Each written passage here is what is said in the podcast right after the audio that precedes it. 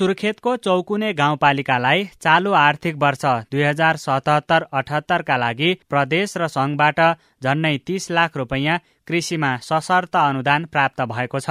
गाउँपालिका आफैले कृषि क्षेत्रको विकास गर्न झन्डै बाइस लाख रुपियाँ विनियोजन गरेको छ।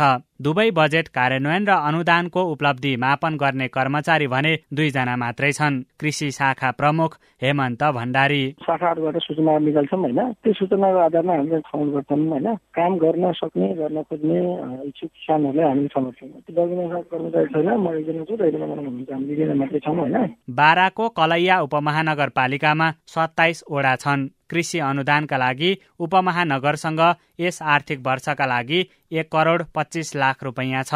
अनुदान कार्यान्वयनका लागि नीतिगत व्यवस्थाको अभाव बाधक बनेको छ प्रमुख प्रशासकीय अधिकृत प्रहलाद प्रसाद वर्णवाल एकदमै नियम सङ्गत रूपले त्यसलाई अगाडि बढाउँछौ ठुलोलाई दिने सानोलाई नदिने भन्ने कुरा हुँदैन। वास्तवमा सुविधा भनेको सानैको लागि हो। जो कमजोर छ त्यो चाहिँ त्यति लगानी गर्न सकिरहेको छैन।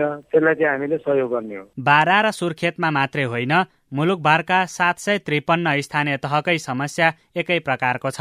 इलामको चुलाचुली गाउँपालिकाले कृषि क्षेत्रमा यस वर्ष एक करोड बत्तीस लाख रुपियाँ विनियोजन गरेको छ भने प्रदेश र संघका योजना पनि छन्। कार्यान्वयनका लागि जनशक्ति नपुग्ने भएपछि किसान समूह र सहकारीको क्षमता विकासमा लागि परेको बताउँदै गाउँपालिकाका प्रमुख प्रशासकीय अधिकृत काजीमान राई। पहिलो कुरो त अब त्यो शाखा रन गराउने कर्मचारीको व्यवस्थापन लागि सम्बन्धित निकायमा मन्त्रालयमा हामीले माग पठाएको छौँ। र वार्षिक बजेटको भोल्युम चाहिँ बढ्दै जाँदाखेरि चाहिँ प्रोडक्सन भएको कुराहरूलाई चाहिँ उपयुक्त ठाउँमा चाहिँ कोलेस्ट्रोल राख्ने र बजारको व्यवस्थापन गर्नको लागि एउटा चाहिँ नीति चाहिँ बनाएको छौँ। कृषि प्रविधि प्रसारको लागि प्रदेश र स्थानीय तह मार्फत प्रस्तावनामा आधारित अनुदान भनेर स्थानीय तहमा बिस अर्ब बजेट पठाइन्छ।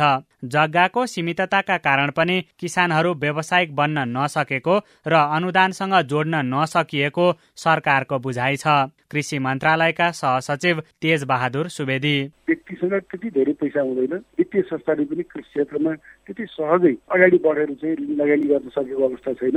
व्यक्तिसँग आफ्नो आर्थिक क्षमताको अभावको कारणले पनि सरकारी अनुदान हुँदाहुँदै पनि प्रस्ताव आधारित कार्यक्रमहरू पनि त्यति अगाडि बढ्न नसकेको चाहिँ हामीले देखेका छौँ। संघीय मामिला तथा सामान्य प्रशासन मन्त्रालयका अनुसार मुलुकभरका स्थानीय तहको कृषि शाखामा मात्रै सात हजार कर्मचारीको दरबन्दी खाली छ। गाउँघरको सिंहदरबारको रूपमा व्याख्या गरिएको स्थानीय तहलाई जनशक्तिको व्यवस्थापन गर्न समस्या हुँदा कृषि अनुदान कार्यान्वयन प्रभावकारी हुन सकेको छैन। विनोद शर्मा सिआइएन काठमाडौँ।